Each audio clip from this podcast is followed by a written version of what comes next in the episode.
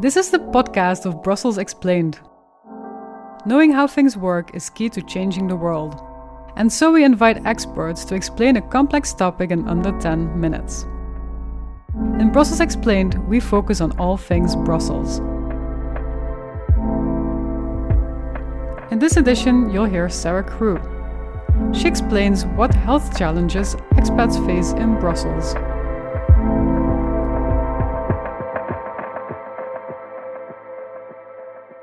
Hello, my name is Sarah Crew.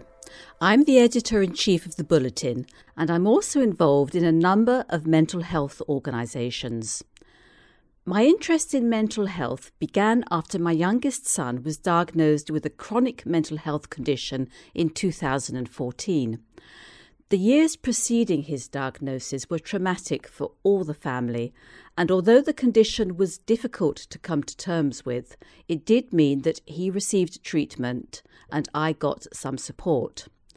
I joined a local family association which offered me training on how I could best accompany my son, including positive communication skills and, importantly, how to look after myself. Since then, I've regularly talked about my life as a carer and other issues around mental health. So, I am going to talk about some of the mental health difficulties that expats can face, my discussions with the Mental Health Service in Brussels, the CHS, and some of the practical solutions for getting help. I will also return to my personal situation and experience. Mental health problems cover a wide spectrum and a broad range of issues, including stress, anxiety, trauma, depression, as well as more severe conditions on the continuum that may require long term therapy and treatment. One statistic often cited is that one in four people will experience a mental health problem in their lifetime. As a journalist for the Bulletin, I have often written about different aspects of mental health. Our audience is Belgium's international community, and when we think about expats, we may think of a relatively privileged group of the population less likely to suffer such issues. But I remember when I was interviewing a group of psychologists working for a frontline service in the capital, and one of them spontaneously mentioned that the mental health problems that expats faced were seriously underestimated. These problems include social isolation.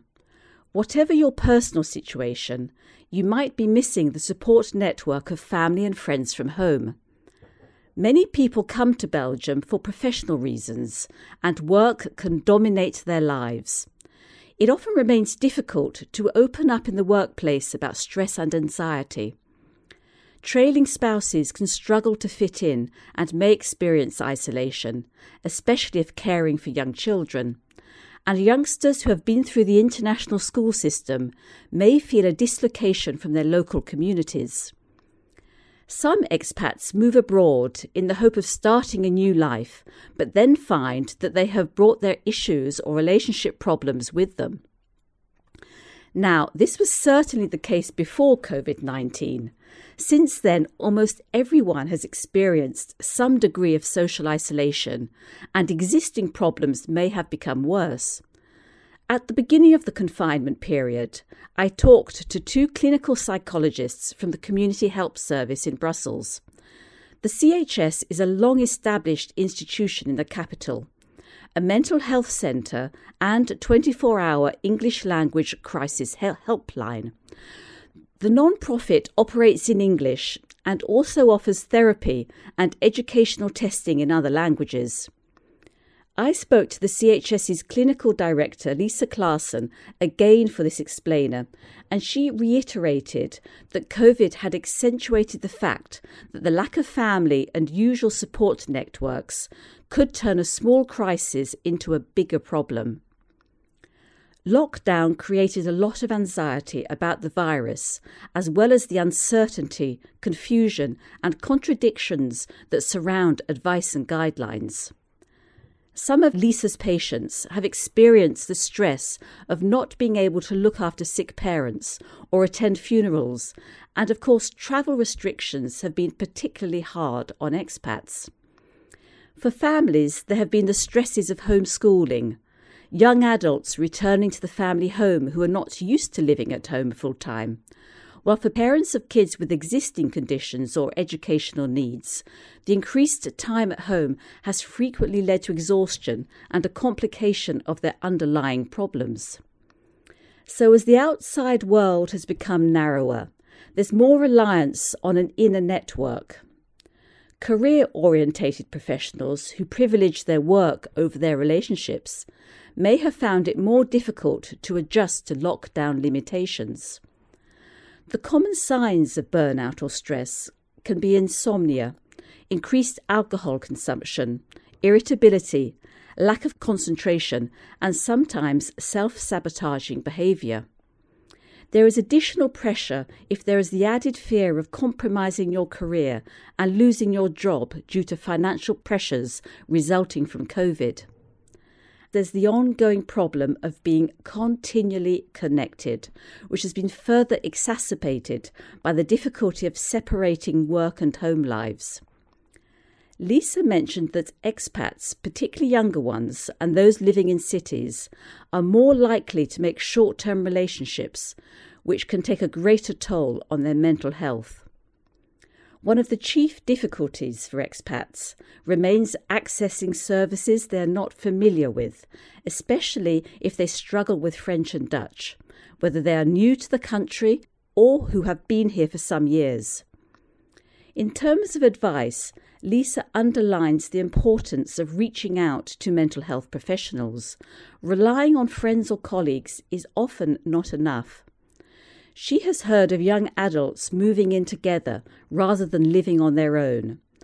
Parents of younger children have set up groups to share looking after toddlers while respecting the social bubbles. I discussed the availability of mental health services in Belgium with Lisa. She finds that there is a lot of support out there, and at the CHS, staff always try to orientate people to relevant services, respecting their language preferences. In Brussels, in particular, there are many multilingual resources to help manage stress, including yoga, meditation, and mindfulness courses. The Brussels Childbirth Trust, for example, is one organisation that can support the mental health of women during and after pregnancy. Generally, family GPs can be a first port of call, and you should keep them informed of any mental health concerns within your family.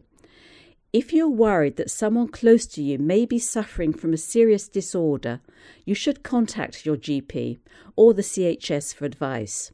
In some situations, and it was the case with my son, the person in question might not recognize that they need help and they could be resistant to treatment. In my experience with services, it took time and persistence to knock on the right doors. The family association I joined and the social workers at our health insurance mutual fund were of particular assistance. The local municipality is another useful source of information for local and regional services. For a couple of years, my son had access to an outreach mobile team who would visit him at home. The relationship with his psychiatrist has also been very positive and open, if necessary, I'd recommend shopping around when seeking therapy. It's important to find a good fit. Following the initial crisis period with my son, when I myself suffered minor panic attacks, I regularly consulted a psychologist and I also took a mindfulness class. Combined with a training course offered by the Family Association, I have become better equipped at coping with subsequent crisis periods. The general advice that I found helpful is that whatever the severity of the condition, try and identify the triggers and behaviour before it becomes much worse. Ask yourself, what can I control and what can't I control? What are the even small steps I can take to improve my present situation? And importantly, what brings me joy in life? I've had a number of outlets over the years, but the current joy in my life is diving. I joined a local club two years ago, and the swimming pool training sessions and quarry dives have proved to be a physical and mental discipline, a healthy dose of escapism, and a lot of fun. One reason why I talk about my family's experience is to campaign for increased services, including more care in the community, and also to try and break down the ongoing stigma that surrounds mental health issues. It still gets a bad deal compared to physical health issues. There are so many taboos and basically still so much discrimination. I'm also a member of the Brussels based NGO Mental Health Europe, which advocates for positive mental health at an EU level and shares good practices among its member organisations. It has proved a resource for me and an inspiration about the road to recovery. Finally, although I'm open with people around me, and it's interesting to see how many people in response then share their own experiences, I know how difficult it can be to talk about personal, personal problems at work, particularly with management. I still feel reluctance to open up about how difficult I can find it to juggle work and home life. And I feel the need to maintain this image of being reliably resilient.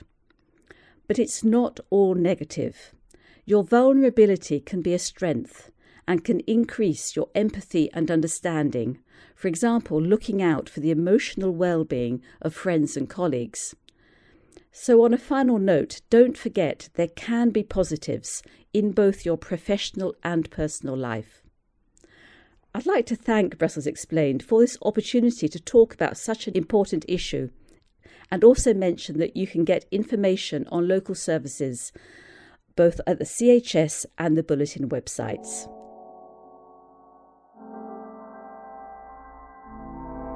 Thank you for listening to Brussels Explained.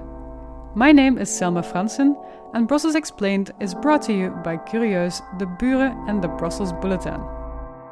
This podcast was produced by Elena Schmitz. Brussels Explained is the English language, Brussels focused version of Moeilijke Dingen Makkelijk Uitgelegd. Follow Moeilijke Dingen Makkelijk Uitgelegd on Facebook to find out about upcoming editions of Brussels Explained.